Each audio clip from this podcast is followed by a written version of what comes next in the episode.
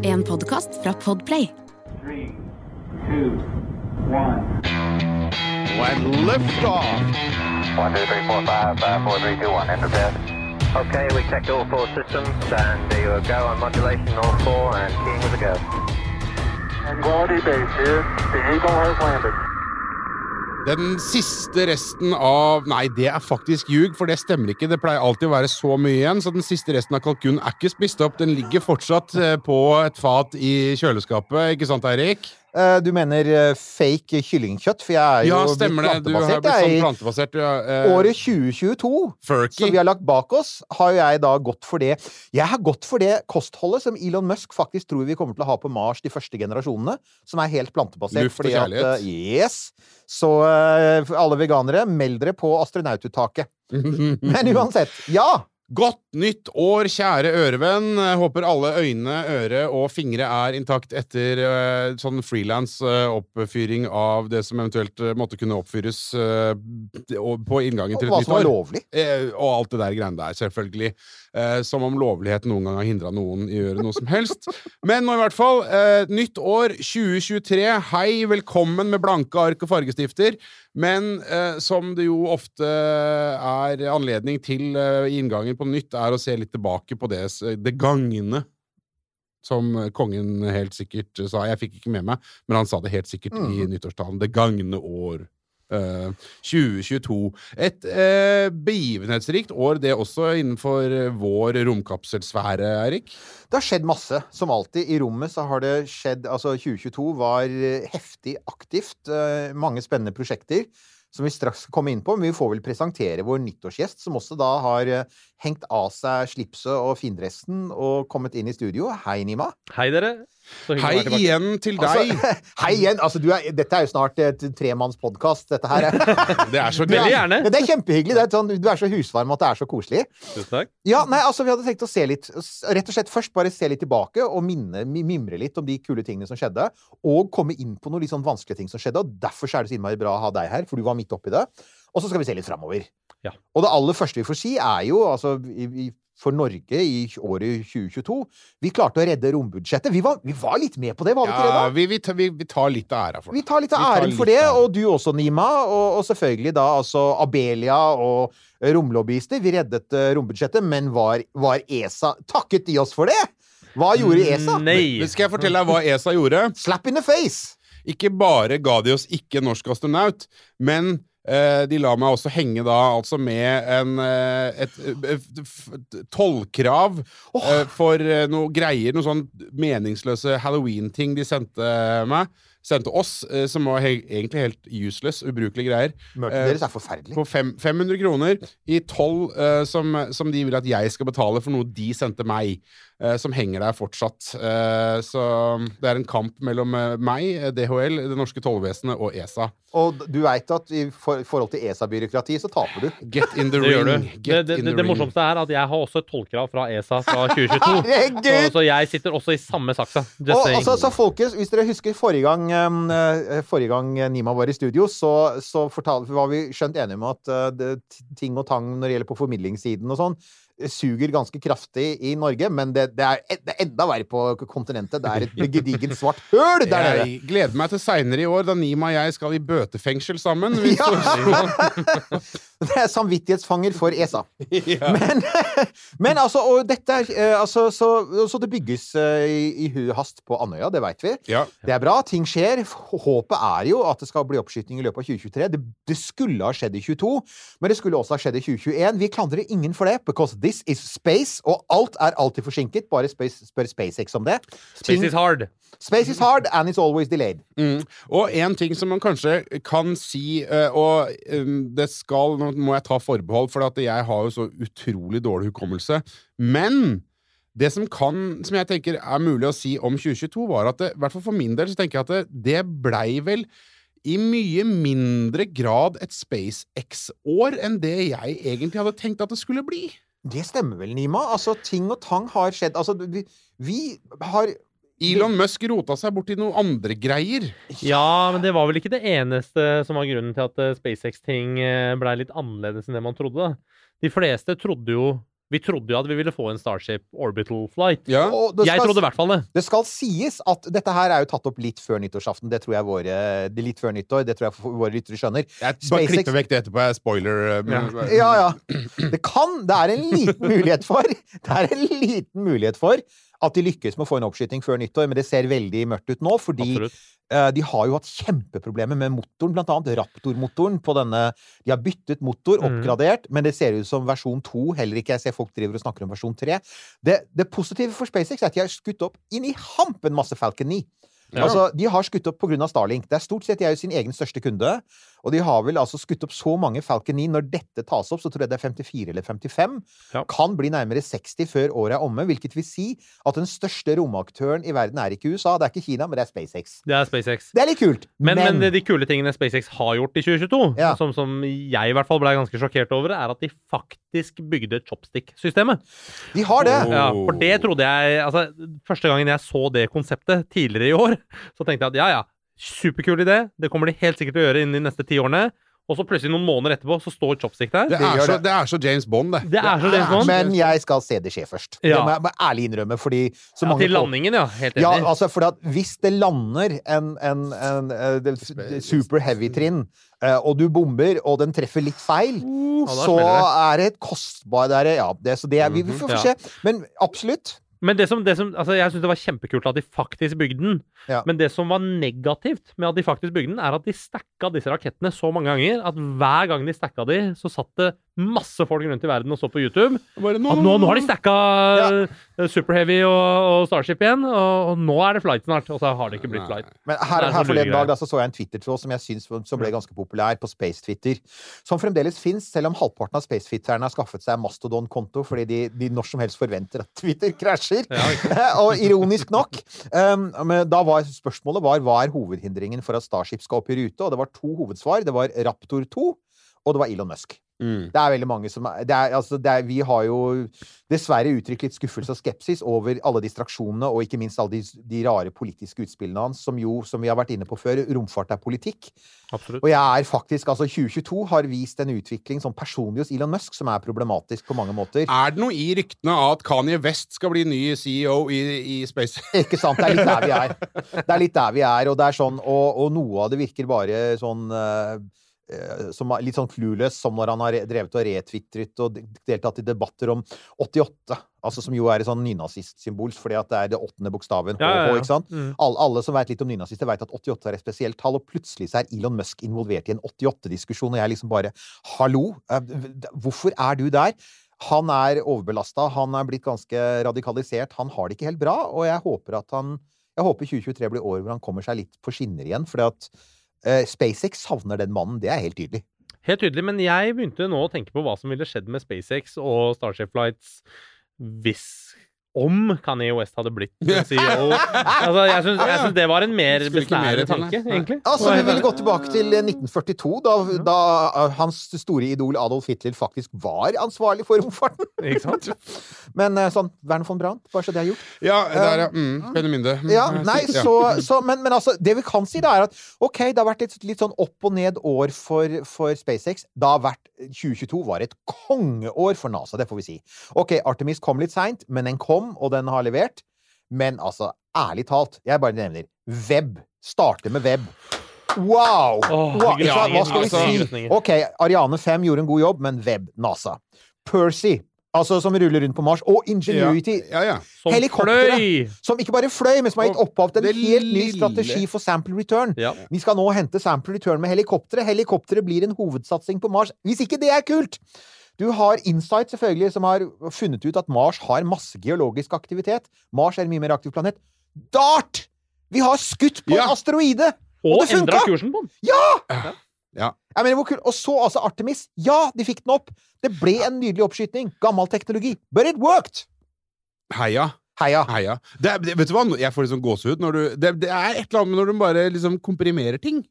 Så blir det litt sånn shit, det er eh, 2022, altså. Heia for et år. Dette var et godt år for NASA, det Ja. kan vi si. De har, altså, NASA har vist hvorfor NASA fremdeles eksisterer og, og trengs. Og de har også fått økning i budsjettene sine. Og det er, altså, for meg som gammel NASA-nostalgiker, jeg er glad for det. Og så er det litt sånn maktdemonstrasjon, for da veldig, veldig lenge så var det sånn Ja, hvem kommer først opp i rommet? eh, SpaceX eller, eller eh, NASA med sin store rakett? Vel, Ja. det, det, NASA satte det på plass. De satte skapet på plass. Ikke bare det, men de sendte faktisk hele greia til månen. Og der er jo SpaceX dessverre veldig langt unna. Ja, Så- og de gjorde det med å skape masse spenning. Da. Altså, Hvor mange utsettelser ble det til slutt? Ja, ja, ja, ja, ja, ja. Så jeg tenker at altså, Jeg husker Marianne Tanti Tantio fortalte hun hadde jo vært og skulle se den første oppskytningen. Ja, men hun var jo hos oss og snakket om det. Ja, ikke sant? Så- Og utsettelse etter utsettelse, og så begynte jeg, jeg begynte å tenke at det driver dette prosjektet og rakner totalt, og så blei det en oppskyting. Og det var jo en helt sinnssyk opplevelse. Og så er det noen andre som har hatt et godt år, og det er Kina. Ja, herre fred! Altså, Kina, ja da, Kina har droppet uh, trinn Snakk om ekspress uh, Men altså, her òg, de har altså. bygd ferdig den romstasjonen sin i ekspressfart, og den funker. Ja. De har hatt, Og det er litt kopi av ISS. det er den jo, men ISS er bare Mir 2, så det er, alle kopierer hverandre der. Ja. Så, så ja, de har bygd, opp, bygd en romstasjon som for øvrig den er en kopi av ISS, bortsett fra at det er den nye varianten. Uh, Ja. så, så den internasjonale romstasjonen det er liksom den leiligheten fra 70-tallet som du har kjøpt, mens, eh, mens den kinesiske romstasjonen Se på bildene fra inni. Det er helt Det er helt rent! Alt er rent og nytt! Det er Ja, liksom sånn rent og nytt, og ikke noe ledninger som henger rundt omkring. Ikke, og ikke ikke, noe sprekker i parketten og ingenting. Alt er bare helt sånn. Helt cleant. Og, Det er og, nybygg. og det bare går, det altså går totalt på skinner. Ikke noe glitcher, ingenting. De har, en, de har en rover på Mars, Shurong, den kjører omkring. De har en rover på baksiden av månen, Chang'e Ja. 4. Den er fremdeles i drift. Kineserne Their game on, og, det, og 2022 var altså året hvor de var veldig tydelige på de skal tilbake, de skal ikke tilbake til månen, de skal til månen. Ja. Og de har masse planer for månen, og nå er det ikke lenger noen som tror altså Etter 2022 så er det ingen som tror at ikke kineserne gjør det. They're gonna do it. Ja, og fra astronautperspektivet så må jeg også si at det første kvinnelige kinesiske spacewalk var ganske spektakulær og Ja. vakker. Eh, en annen ting jeg liker veldig godt med det kinesiske programmet, de har jo såkalt romdraktkopier. Ja. For de har jo kopiert eh, De romdraktene. har jo det. Ja. Ja. og den historien er ganske kul, for de kjøpte en romdrakt, faktisk, som de Mhm. bokstavelig talt eh, reverse engineera, Ja, og, og kopierte den. Den er jo nesten helt lik. Som kineserne jo som gjør. kineserne gjør. men, men hvis du ser på bildene av hvordan disse astronautene, kinesiske astronautene, eller taikonautene som det heter, hvordan de sitter. De er så stramme og tighte. De sitter sånn uniformert. Har dere sett det? Ja, ja. Dere, de som ikke har sett det, bør google ja. Chinese astronauts. ja det, er, det, er, det, er, altså, En stram gjeng. det er en stram gjeng, og du merker at det er jo en helt annen militær kontroll over det. Ja, ja. Så Kinas romprogram gir jo mye mer sånn Sovjetunionen-vibbiser enn noe annet. Eh, Og fascinerende estetikk. fascinerende estetikk, og, og forteller mye om hva hva slags samfunn Kina er. Men igjen, altså, kineserne har, de har pengene, de har viljen, og de har nå teknologien, som jo um, ha, Da kommer vi jo til de som ikke helt har det lenger, Ja. som dessverre Og her kommer vi jo også direkte til deg, Nima, og det er jo den, den, den den dårligste nyheten for romfarten i år, det var jo det som var den dårligste nyheten for verdenspolitikken og for menneskeheten. Det var krigen i Ukraina. Som, som dessverre Ja. pågår fremdeles, eh, og som er horribel og brutal. Og som også fikk noen eh, ganske fæle konsekvenser for romfarten. For ja, i praksis er jo altså Russland har jo langt på vei spilt seg selv helt utover sidelinja nå som romnasjon. Ikke sant? Mm. De har det. Men samtidig så er de fortsatt en romnasjon. Og De, de skyter jo fremdeles opp til romstasjonen, men som mange har påpekt, altså russerne har jo i løpet av dette året Det har vært mye rart. De bytta ut han eh, Dmitrij Rogozin, Rogozin, ja. eh, som nå har drevet Han har vist seg fram på, på Telegram, er det vel? ja. Det er der russerne er. Han viste seg fram på Telegram i militært utstyr i Donbass. Ja, og, det var, ja, det var og det folk påpekte veldig raskt, var at alt utstyret hans hadde han jo kjøpt for sine egne svindlede penger. Han hadde jo et dypt sugerør ned i i Ja, altså Det er egentlig ikke hans egne penger, da. Det er skattebetalerne. Ja, anskaffet gjennom korrupsjon, så Ja. teknisk sett så er det jo betalt gjennom skattebetalerne. Hvis noen lurer på hvorfor russerne fremdeles flyr Soyuz, se, Ja. på, se på uniformen til Dmitrij Rogozin. Som var sånn derre Rolex eh, militærklokke. Og sånn Ja, derre sånn uh... Men Rogozin var jo, fortsatt er, og kommer alltid til å være en klovn. og en Sånn er det bare, dessverre. Ja, det er jo helt forferdelig. Forferdelig type. Men du var jo de... Forresten, har du noensinne møtt Dmitrij Rogozin? Jeg har aldri møtt Rogozin. Ok, det var kanskje litt greit. Ja.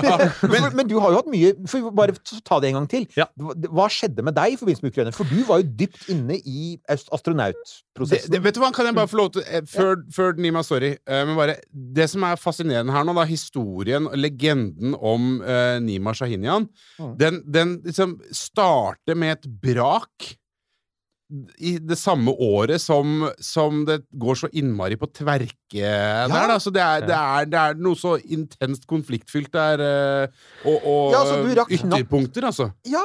Du rakk knapt å liksom sånn brase inn på scenen, og så var det sånn jank! Så bare kom det en sånn der krok ut fra side og sa nei, du er ute igjen, for nå er det krig.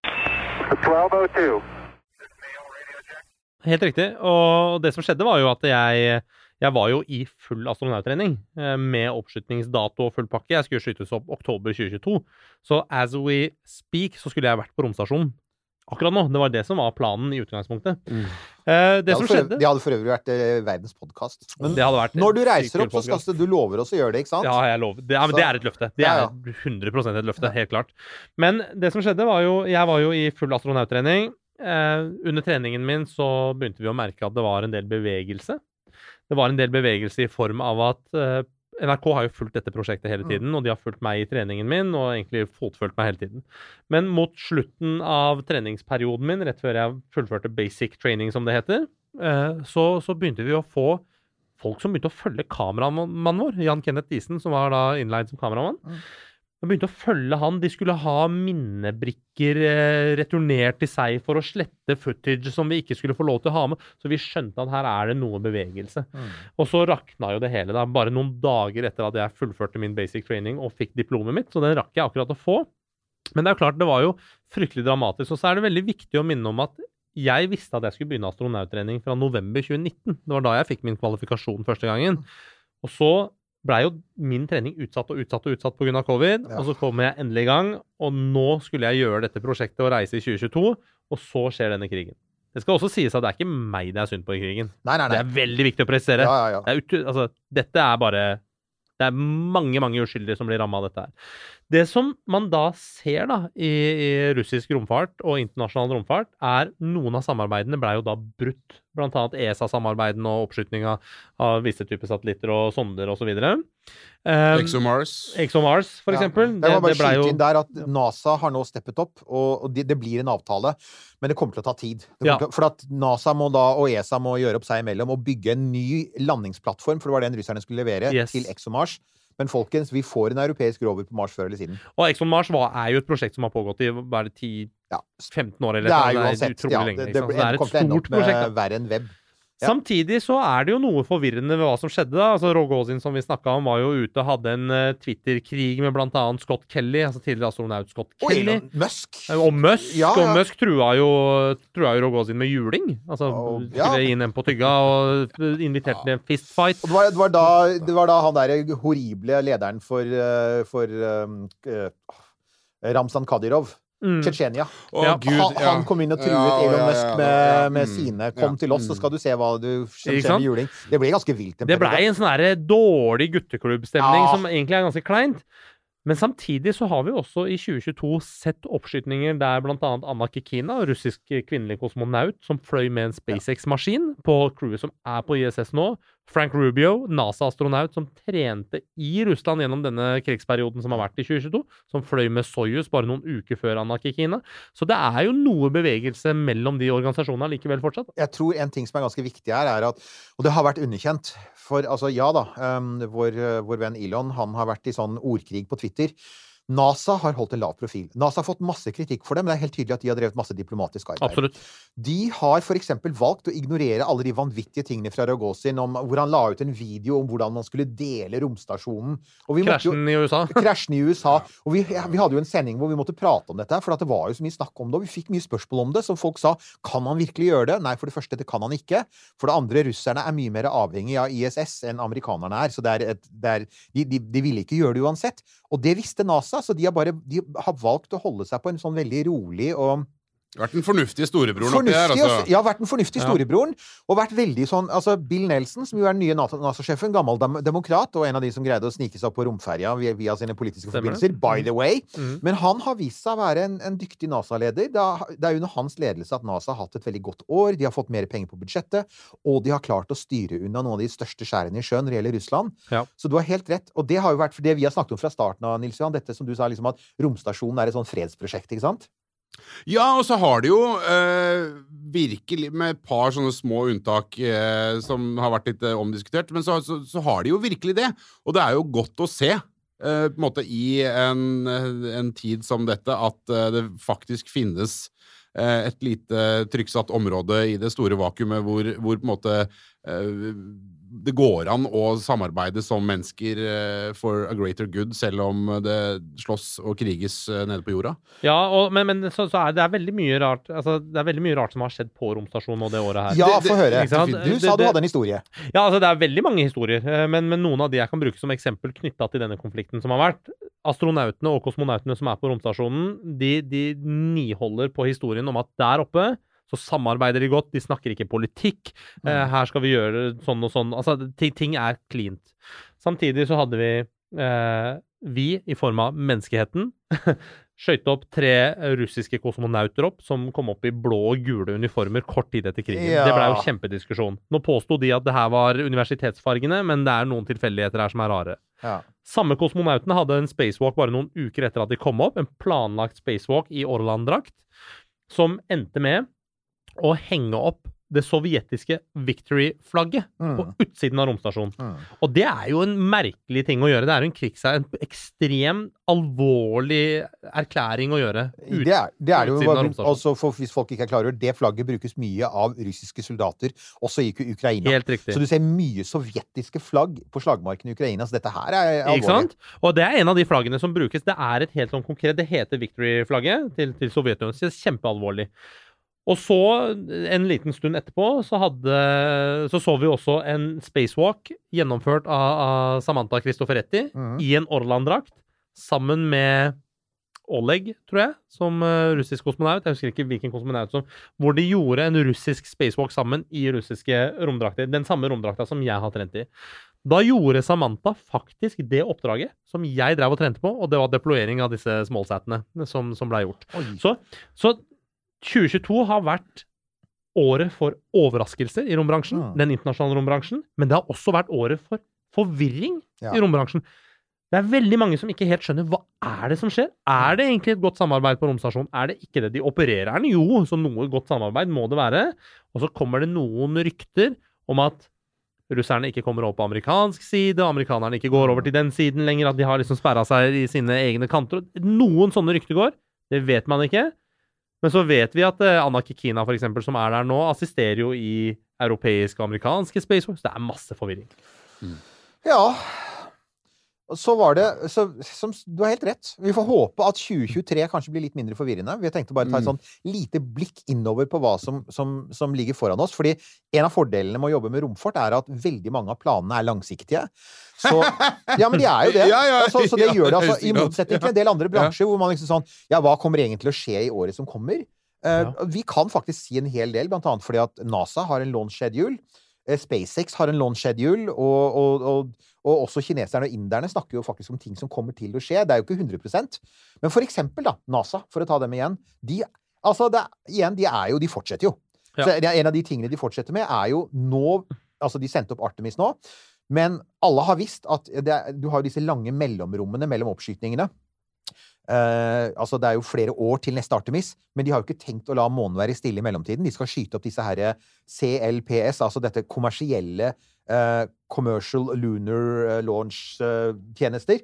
Private firmaer har fått penger fra NASA til å utvikle landere, rovere, og 2023 er året da de for alvor skal starte. Sånn at allerede på vårparten da, så skal det være tre forskjellige landere, og de er ganske avanserte. Veldig.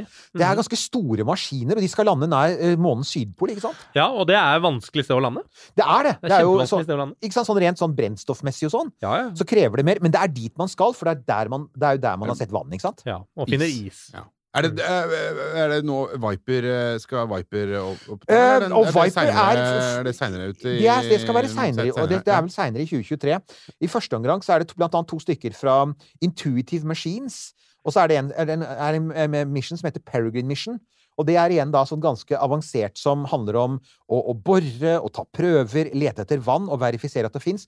Og de blir jo ikke de eneste. Kineserne har planer om å sende. Ja. Og det har også inderne. Skal sende sin første rover. Og til og med altså russerne! De skal sende Luna 25. Ja. I hvert fall påstår de det.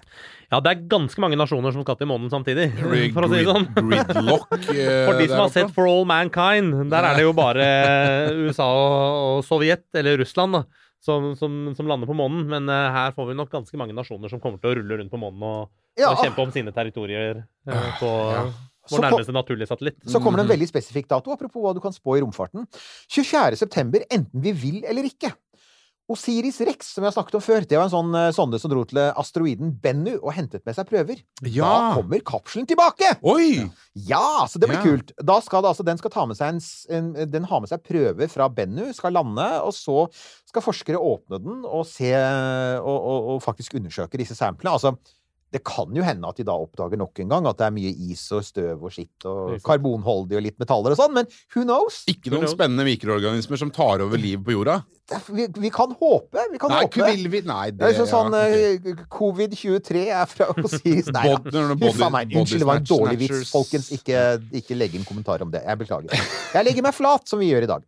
Men eh, Og så i oktober, da kommer da ehm, Mission to Psyche, syke. Og nei, det handler, ikke om, det handler ikke om mental helse. Det handler om en asteroide som heter Syke. Eh, og den går da i bane mellom Mars eh, og Jupiter i asteroidebeltet. Og den er interessant fordi ehm, den skal eh, det, det er en metallasteroide. Ja. Altså De fleste asteroider de består av stein eller de består av karbonrikt materiale. Noen av dem inneholder litt is. Men så er det noen få asteroider som inneholder stort sett metall, og de er da interessante av to grunner. Det ene er jo at de er ehm, Altså, det kan fortelle noe om kjernen i den kloden som antagelig er opprinnelsen til asteroidebeltet. Den hadde antagelig en metallkjerne.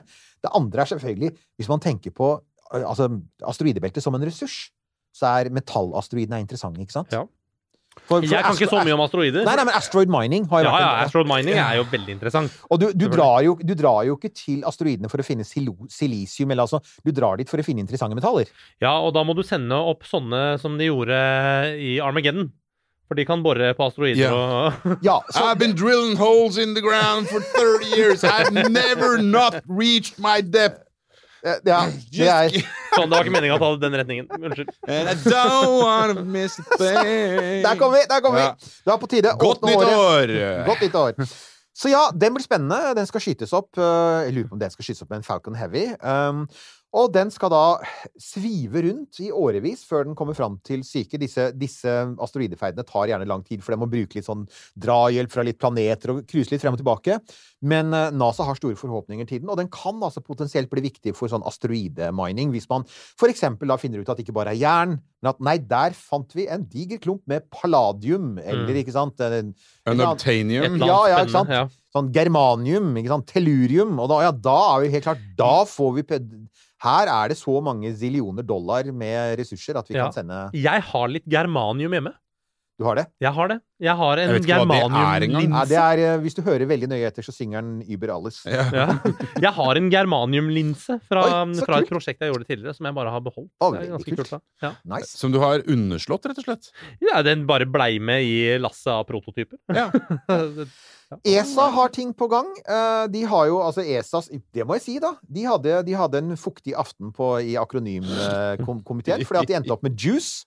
Ja. Juice uh, Jupiter Icy Moons Explorer. Ja, den har jo vel vært borti Vi har vært borti den, den skal opp i år. Det er den som skal bore seg gjennom isen og dykke. Nei, ikke ennå. Den, Nei. den, skal den skal bare skal bare lande på isen. Den skal kretse Den Den skal, skal ikke lande. Den skal, Nei, den skal faktisk krasje på et tidspunkt, men den skal ikke myklande. Ja, Så det den skal gjøre, er at den skal utforske disse ismånene, som jo for øvrig altså Vi har jo snakket om europaklipper. Mm. Så ismånene til Jupiter er jo det neste store. Ut, etter Mars, lenger ute, det neste store er ismånene til Jupiter. Vi skal lande, vi skal ha ting under isen, men før det så må de utforskes nøye. Så jeg var ikke helt på bærtur. Du var ikke helt på bærtur. Nei. Det denne skal gjøre, er at den skal fly rundt ismånene, altså sånn type Europa, Ganymedes, eh, IO. Se litt, ta nærbilder, se, finne ut mer om vann, havet under. Og så til slutt så skal den gå i bane rundt Ganymedes. Og så, når den banen etter hvert forfaller og den bremser opp pga. at det er litt gass rundt, så vil den krasje på Ganymedes. Nemlig. Så det vil skje. Så du har helt rett. Vi får en landing. Så juice, juice er kul. Og så er det en ting som vi må snakke om, og vi må på et eller annet tidspunkt få noen som kan snakke om det i studio.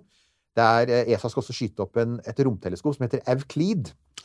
Og okay. det skal kartlegge mørk materie og mørk energi, og det trigger alltid dere lyttere. Veldig mange av spørsmålene vi får, er hva er denne mørk materie og mørk energi-greia? Og det de da sier er vi vet ikke helt. Det er derfor vi skal sende opp Evclid. Vi må vite mer om det. Hvorfor utvider universet seg raskere og raskere? Det håper man på å finne svar på. Så- Men når man ikke vet hva det er, hva skal det da se etter? Nei, det er akkurat det, da, vet du. Hva skal Det så- se etter? Så, så de, skal da, de skal da kartlegge, ta bilder av eh, galaksene, bevegelsen deres, og, og gjøre nye målinger. Så det kommer vi tilbake til. Og så er det da i august 2023, etter planen, så skal da vår eh, kan kalle, nesten kalle han ørevenn, Andreas Mogensen. Andreas Mogensen, ja. Han skal opp på det som heter Hugin-ferden. Ja. Og han skal fly med Jasmin. Ja, for, fortell. Jasmin er jo eh, Jeg syns det er litt gøy, for jeg er jo norsk-iraner. Eh, Jasmin er eh, amerikansk-iraner. eh, NASA-astronaut som skal fly med Andreas. Jasmin er en fantastisk representant for romfarten. Veldig gøy. Og, og, og han skal jo da Han skal være der et halvt år. Han kom jo ikke opp så lenge forrige gang. Han var der ganske kort, og det Var det åtte eller tolv dager? eller Åtte eller tolv dager. Ja. Og det var jo delvis en politisk beslutning, apropos ESA-politikk. Ja, det det. var jo det. Mm. Så det var, han fikk ikke mer enn det. Og han var jo frustrert over det, og han har jo kjempa lenge for det. Og den godeste Andreas er jo også veldig opptatt av at han en dag skal gå på månen, og kjenner vi ESAs øh, system rett, så går, det nok, går nok Andreas Mohensen på månen før eh, En- noen nordmann i det hele tatt er i rommet. Eller hva Ja. tror du? Noen nordmann med ESA! ESA-nordmenn. Ja. ESA-nordmenn. ja. ESA-nordmenn. ESA-nordmenn. Men, Noen eh, vi eh, kommer snart tilbake til det. Det kan bli noen andre. er noen muligheter, Ja. kanskje. Absolutt. Eller Og så er det jo da både Ariane Space, som lager raketter, og ULA, som er konkurrenten til SpaceX på hjemmebane. De skal skyte opp sine nye raketter, forhåpentligvis i løpet av 2023. Eh, Vulkan, eh, ULA og Ariane 6 eh, skal opp, og det er viktig for SpaceX, fordi at for øyeblikket så ruler de markedet. Ja. De er totalt dominerende, og de får også alle de fete militærkontraktene fra nå av. Og det er fordi at Falcon 9 og Falcon Heavy er det som er. Og det er noe av det som da gjør at Elon Musk kan Han kan ha så mange konspirasjonsteorier han bare vil. Han kan kalle USAs president en senil tulling. Han, og han gjør dette. Ja. Men han vet det, for han kan fordi at det er ikke noe alternativ. only game in town, ja. Det, er only game in town. Ja. Det vi kan lure på, er selvfølgelig dersom for eksempel Vulkan da endelig letter med disse rakettene som Jeff Bezos har bygd, rakettmotorene, eh, klarer å få til det og, og, og kommer i gang, da. Så er det, det er noen lange kniver som nå slipes i Det demokratiske parti. Det tror Ja. jeg vi kan si. Han er jo blitt eh, erklært republikaner, og demokratene har jo fram til nå kontrollert de viktige komiteene i Kongressen. Inntil nå videre så gjør de jo ikke det, men de har, ja, så de vant jo Senatet, og de har presidenten. De, jeg mistenker jo at eh, Ikke bare mistenker, han har jo krangla åpent med ledende demokratiske politikere. Det er jo Ja, ja. det, er, det er litt sånn Det er litt, sånn, det er litt uh, politisk clueløst. Apropos det med å være dårlig på politikk. Så absolutt. Mm. Så vi får se. Så det, det kan jo faktisk Det høres jo litt sånn kjedelig ut at det kommer to nye bæreraketter, men de bærer særlig Vulcan med, fra ULA er viktig fordi at de er sånn Det er legacy, ikke sant? Ja. Vulcan er Boeing, uh, North American, Grumman Det er den vanlige Det er den gjengen som har bygd raketter i 60 år. Samme gjengen som alltid har vært der. Og amerikanske regjeringen liker den gjengen, for det blant annet Mm. fordi at sjefene deres, Tory Bruno, sjefen for ULA, han har en faktisk Jeg følger, jeg følger han jo på Twitter. Hans Twitter-konto er jo helt normal. Ja. Han, han tvitrer om uh, ranchen sin og hesten sin og 1202. Det kan jo da bety, ikke sant, det, at øh, hvis dette funker øh, bra, ULA og Vulcan funker fint, Ariane 6 Ja. funker bra, øh, så får Falcon konkurranse, og da er det tupp i baken for Elon Musk. Han vil i hvert fall oppleve eh, å møte ganske hard konkurranse, da, og da må han steppe opp gamet sitt ganske intenst med eh, Starship. eh, Han må jo her. det, da. Ja, så det er jo interessant, da. For at, Så det altså, kan jo være et insentiv, kanskje, hvis han har nok omløp for tida til å skjønne det, da. tror vi kan si at 2023 på mange måter er litt sånn make or Make break-år. break-år, ikke sant? Det er litt Veldig. Det er det, fordi at altså, nå har Starship-prosjektet har nå dragged on lenge. Jeg, Sorry, vi høres litt ut som Maria Mena her. Vi snakker litt norsk og engelsk om hverandre, og det er ikke meningen, men Men det er lov. Men, men det, er, det er lov. Det er, det er space. Det er, det er space. Det er space, tross alt. Space is hard. Uh, men, men helt klart, altså det kommer til å bli masse Falcon 9 for å skyte opp Starlink. Starlink var ment å være inntektskilden for Ja, det er uh, internfakturering, da. Det er begrensa hvor lenge du kan holde på med det det. er akkurat det, Ja. ikke sant? Dette har vært, de skyter opp til selvkost, ok, men det er uansett internfakturering. Eh, På et eller annet tidspunkt så må dette systemet generere penger. Det som nå er anerkjent fra SpaceX, er at Starlink Starlink versjon 1, de satellittene som skytes opp nå, er ikke kraftig nok og har ikke nok kapasitet til egentlig å bli lønnsomme. Du Ja. trenger versjon 2, som både funker over hav og, og, og, andre øde områder, men som også har tredobbelt kapasitet, og som har et par andre funksjoner vi straks kommer til, for at de skal bli lønnsomme. Problemet nå er at Starlink versjon 2 er mye større og tyngre. Det vil si at de, du kan skyte opp Det har vært snakk om at Falcon 9 kan skyte dem opp.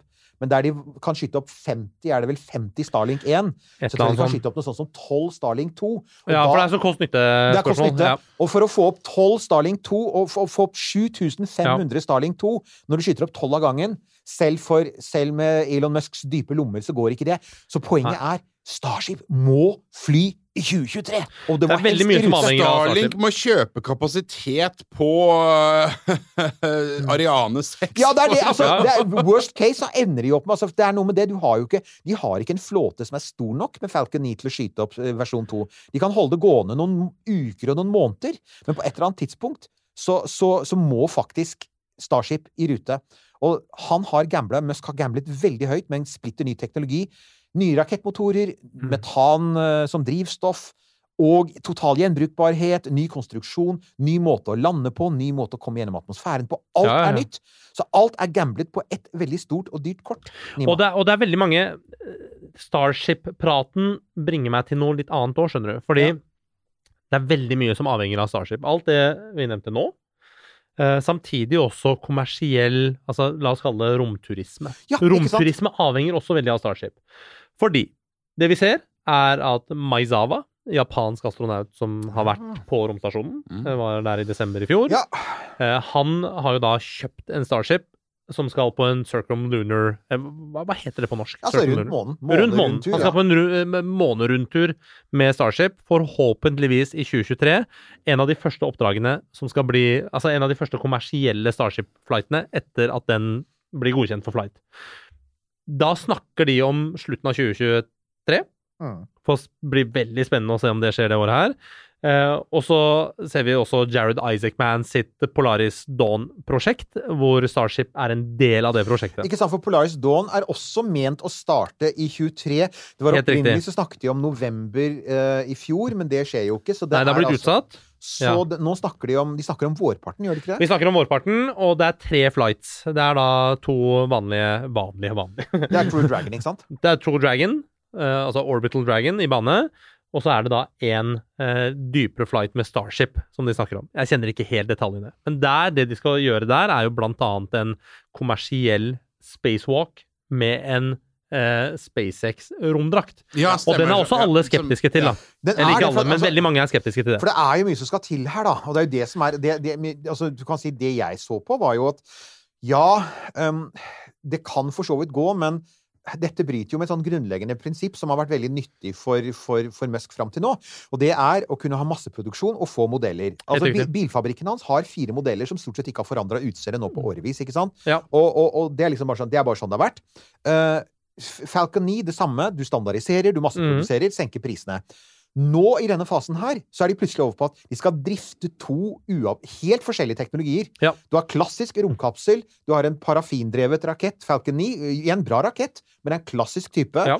Og så er det en helt ny teknologi med nye rakettmotorer Og og, en helt annen infrastruktur alt. med Ja. chopsticks og alt dette her.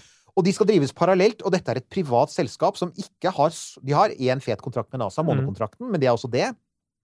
Så det er veldig mye private penger. Og så har de Starlink, som midt oppi alt dette her skal opp og gå, og helst bli lønnsom. Ja.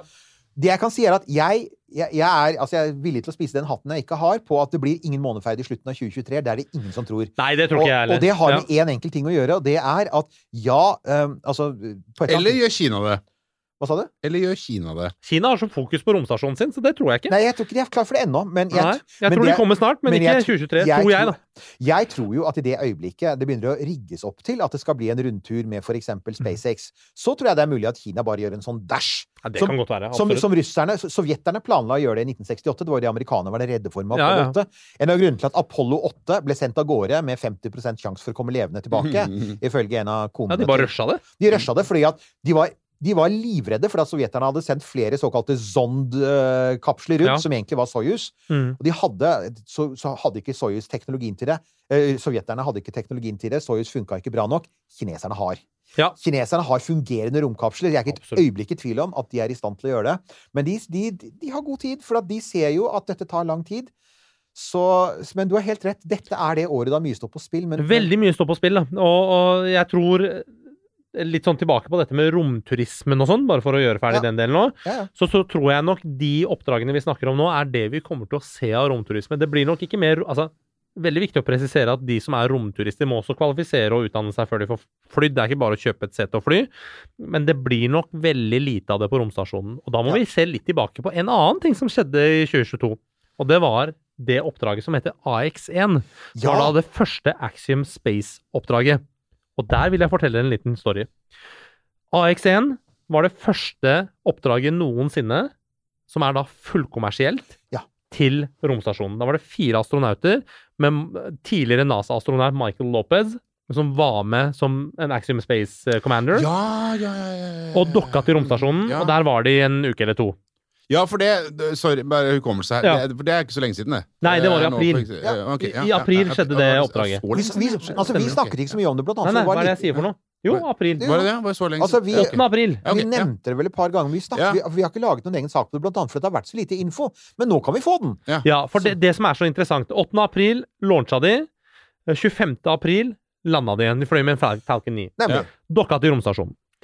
Michael Lopez, som er da tidligere erfaren shuttle-astronaut, eh, han hadde så mye egne prosjekter. De tre andre kommersielle Axiom Space-astronautene var så dårlig trente og planlagte, og hele tiden var ekstremt dårlig planlagt, så det lagde utrolig dårlig stemning på romstasjonen. En annen ting som skjedde, er at denne gjengen med astronauter oppførte seg som, beklager språket, drittfolk på romstasjonen. De kom i clinch med NASA-astronauter og ESA-astronauter. Det blei klager ned til jorden. Hva er det som skjer her? Masse forskningsprosjekter ble utsatt fordi at de aktive astronautene på romstasjonen måtte bruke tiden sin til å hjelpe disse AX1-astronautene med sine forskningsprosjekter. De hadde ikke lagt inn noe tid til tilpasning til, eh, til vektløshet, f.eks. Altså, det var et prosjekt som gikk ordentlig til helvete. Sånn er det bare. Ja. Resultatet av det har blitt Da må vi se tilbake til NASA-sjefen. Dagens NASA-sjef Mhm. er politiker, alltid vært politiker, men han har vært i rommet. Ja. Han klarte å snike seg på en, en romfergetur, eh, og gjorde en jobb, og Ja, ja. tok jo en utdanning osv. Men han, i forhold til forrige NASA-sjefen, er nå på astronautenes side. Han bryr seg ikke så mye om den kommersielle romfarten. Han er mer på astronautenes side og deres velvære og arbeid. Derfor så har NASA nå satt inn en veto om antall kommersielle flights til ISS, og et annet faktum som, som endrer hele den der eh, kommersielle delen til ISS, er at NASA nå krever at det alltid skal være en aktiv NASA-astronaut med på hver ferd. Mm. Hvilket betyr at det går ikke an å kjøpe en komplett kapsel lenger for Axiom Space, som er en profesjonell aktør, men de dreit seg ut på første flight. Sånn er det dessverre. det er jo, det er jo egentlig På en måte så er det litt sånn oppsiktsvekkende, fordi Altså man, Det virker jo som de har gått på en del sånne helt åpenbare idiotiske feil eh, Ja, ja, ja. her. Altså, dette her er ting man kunne ha tatt Unngått. høyde for og unngått ja, eh, ja. veldig lett. Jeg håper jo at man får litt sånn lærdom av det òg. Det har jo vært en innvending også mot denne her ideen for eksempel om Ja, etter hvert som du kommersialiserer, hvis Starship lykkes, da, hvis du Mm. klarer å kommersialisere den ordentlig, og folk skal sendes til Mars, så har jo tanken vært at, eh, at du betaler, og så drar du til Mars. Ja. Men som folk da har påpekt, da, den der modellen der er jo en oppskrift på for eksempel konflikt. Eh, krangel Ja, ja. Eh, altså fordi at du har ikke dette her som romfarten har vært preget av. Ekstrem trening, samkjøring, psykologisk utvelgelse, riktig type personer. Mm. ikke sant? At du alltid velger folk som for eksempel ikke veldig fort blir hissige, er ja. samarbeidsvillige, er flinke til å finne kompromisser. Som vi har sett eksempler på i alle fiksjonshistorier om uh, sånne type ting, så, så skjer synes- akkurat det der. Ja, det, jeg syns det var morsomt, det, det, fordi det var ikke sånn, det var sånn Ja, men er ikke det egentlig bare som å se Armageddon, da? Ikke sant? Eller Det er nesten på det nivået der, eh, og det er klart eh, Det er jo litt rart altså Disse ulike utvelgelsene og kvalifikasjonene funker på litt ulike måter, og Axiom Space har vært en profesjonell aktør. Veldig viktig å presisere at de også har vunnet en av anbudene på å utvikle neste romdraktene for En av to anbud på å utvikle ja. neste romdraktene for NASA. Og de har vel også fått penger for å utvikle en kommersiell, et kommersielt segment Ja, som kan bli værende. Altså, det blir den nye leiligheten som er sånn der flunkende flott, og hvor Ja. alt bare funker. Og den er designa av Philip Stark, verdenskjent eh, industridesigner. Så her ser du. Ikke sant? Fransk Så- industridesigner. så Så, det er- er jo ikke sant? Så, men, men de er Ikke Tony kjempe... Stark. Nei. Men det hadde vært, det hadde vært fett. Det hadde vært gøy. Det hadde vært gøy. Men så, så de er ganske profesjonelle. Men akkurat på dette bemannede romprogrammet sitt, så har de nok gått på noen smeller som har skapt mye Ja, problemer for ganske mange andre kommersielle aktører. Jeg Ja, men jeg leste noe om det da, det er på et eller annet tidspunkt, at Ja, det hadde blitt noe, vært, blitt noe sånn eh, skjær i sjøen på det greiene der. Men det her, var jo litt sånn det var oppsiktsvekkende at det var så ille. Ja, det er ganske ille. Det er Ja. veldig veldig alvorlig og veldig ille. eh, Men, men sånn er det jo bare, og da må man jobbe seg rundt det. Det er jo to ting til vi må nevne når det gjelder, rom, eh, når det gjelder romturisme. Og det er jo denne berømmelige dildoen til Jeff Bezos. Ja. Ja, han, Den- han bare satt den på bakken nå? Den er satt på bakken, for den hadde jo en eksplosjon. To. Ja, stemmer det! Var det ikke to? Ja, var det to? Ja, det, det, det var jo så, så den er jo nå i, i en sånn klassisk eh, etterforskningsfase. By the Mm. way, det er jo det vi veit kommer til å skje også med Starship på et eller annet tidspunkt. En, en eller annen Starship kommer til å eksplodere. Det er i startfasen. Og da blir alt satt på vent. Og det er derfor jeg sier aldri i livet om de sender en Starship rundt månen i slutten av 2023. Blant annet fordi at du, du må ha etterfylling i rommet. De har jo ikke begynt på det engang. Det er Nei, så nei, nei. Og. Rudd og Ja, det kommer til å ja. den der lista som vi gjennomgikk tidligere. Ja, ja, ja. Bare hør på hva Nima snakket med oss om da. Uh, lista er lang, det er ikke gjort, så vi snakker om 2024-2025. Tror jeg òg. Og så- og som også, som veldig mange påpeker, litt sånn onde tunger påpeker, altså Artemis 2 med folk rundt månen kommer kanskje i 2025. Eh, de sier november-desember 2024. Det er det ingen som tror på lenger. Nei, med Gateway og Ikke sant? Ja. Pluss at de må bytte ut noen uh, styringsdatamaskiner. De skal overføres til neste kapsel. Ja. Mm. Og, og det tar to år å sertifisere. Og da er vi jo plutselig da er vi jo, og da, som han sier, da tar det minst to år før neste, som Artemis 3, som er månelandingen. Det er da Da snakker vi, da snakker vi 2027. I beste fall. I beste fall. beste fall. Og det henger helt på at SpaceX er klar med eh, Lunar Starship. Ja. Så det folk mumler om nå, er 2028, eller kanskje jubileumsåret 2029. og Jeg håper jo ikke det er sant, men folkens, bare vær forberedt på Mm. Ja det. Det er Space is hard, og det er mange mot, mot, mye motgang. Så ja, uh, Jeff Bezos, sånn derre skyt folk opp i fem minutter i rommet, er nå satt på vent. Og Virgin Galactic. Hva, Det Virgin Galactic har hva man skjedde hørt der? Ja, det bare forsvant. Hva gjorde ikke det? Jo, men, men eh, der var det jo Ja, eksisterer det fremdeles? Altså, Nei, jeg tror altså, nok de prøver å jo. Det er, det er investert for mye til at de bare skrinlegger prosjektet. Men det er jo klart at eh, den høyden Hva er det de flyr i? 70 km? Er det ikke det? Jo, Stemmer det er noe det? sånt, og det er så vidt du kan regne som astronaut. ja, Branson var vel oppe én tur i Han var oppe 2022? Var det Ja, ikke det? men, og det var jo den ene flighten. Ja, Jeg husker ikke helt, det, sånn, men ja. ja. Men det, var, det er både en teknologisk greie Altså, eh, romflyet til Altså, Mm. eh, romflyet til eh, Branson er jo Har ingen fremtid. Nei. Det er ikke en romferje, så det kan aldri være noe annet enn en turistleke. Uh, raketten til Jeff Bezos er jo for så vidt et steg på vei mot bane. Ja, Så i og det går an å gjøre noe forskning, faktisk. Det går an å gjøre noe forskning med det. Så jeg, jeg trodde egentlig aldri veldig på det, men pluss at jeg tror vi bare må innse at den derre PR-katastrofen du var den eh, da den, Altså milliardærsommeren, da, milliard, da, da både Jeff Bezos og Da de to milliardærene 2021-sommeren. ja? Mm. Hvem som skulle komme først opp i rommet. Ja. Og de først etterpå skjønte hvor utrolig dårlig det var, sånn rent optisk. Ja, ja, ja. Ja. Ikke sant? Altså, det, det- og det var sånn Jeg vet ikke om markedsteamet i de to bedriftene ble sparket etterpå. Men de burde, jo vært sparket på dagen. ja, det var så umusikalsk at det var vondt. Og det var den sommeren da Det var den sommeren Det var den siste sommeren da Elon Musk kunne lene seg tilbake og bare være helt. Fordi han egentlig Han klarte nesten Det var så vidt han, klarte, han hadde et par små stikk. Ja. Og sånn i det store og det hele så holdt han kjeft gjennom hele sommeren og bare lot dem steke sitt eget fett. Mhm. Men det var også siste gang han gjorde det. Etter det har han ikke klart å styre seg. Nei, ikke sant? Så, det men, er en men, fin taktikk, Elon. You should listen to it and uh, reapply that tactic in your communication. Så ja, romturisme er fremdeles en marginal greie, men det bringer oss til et tema her, og det er jo hva Altså, jeg syns vi helt på tampen her må komme inn på at det skal skje en ting til i 2023, og det er mye mer nærliggende, og det er mye mer norsk. Og du Ja. kan ikke si for mye, men Nima, kan ikke du tease lite grann? Jeg skal tise lite grann. Um, nå, løpet av januar, så Veldig mange har spurt meg om uh, mitt romprogram. Ja, hva er skjer med deg, og hva er- skjer ellers? Hva skjer videre? Er du aktiv? Det jeg kan si, er at eh, 2022 har vært et ekstremt aktivt år. Det har vært aktivt med kommunikasjon og formidling. Ikke minst har det vært aktivt ved å utvide prosjektet desto større enn det noen gang var. Det betyr at det, når når jeg sier vi, mitt eh, romprogram, er ikke lenger mitt romprogram. Det er et stort team på et eller annet sted mellom 20 og 30 mennesker som jobber i det. Det begynner å vokse noe voldsomt. Eh, og jeg skal da løpet av januar innkalle til en pressekonferanse hvor vi skal introdusere en rekke nye kolleger. Hvem som jobber i dette prosjektet. Hva vi planlegger av vitenskapelig oppdrag. Og vi skal også røpe et historisk, ikke bare norsk-historisk, men et verdenshistorisk prosjekt. Og det gleder jeg meg skikkelig til å dele med alle. Ja, Og vi, Og det skjer i løpet av januar 2023. Nils Johan, Ja, nei, jeg bare oh.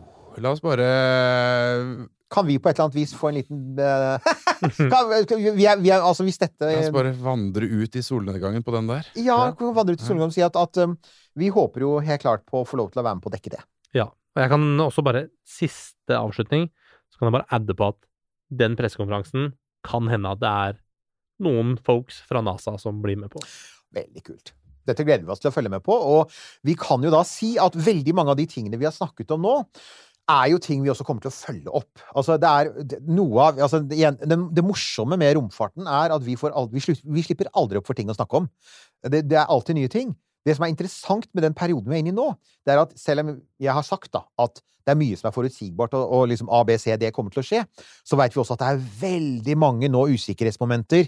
Eh, Det er, altså, det er jo mange ting som skal Altså, det er mange ting som er avhengig av hverandre for at de skal hende.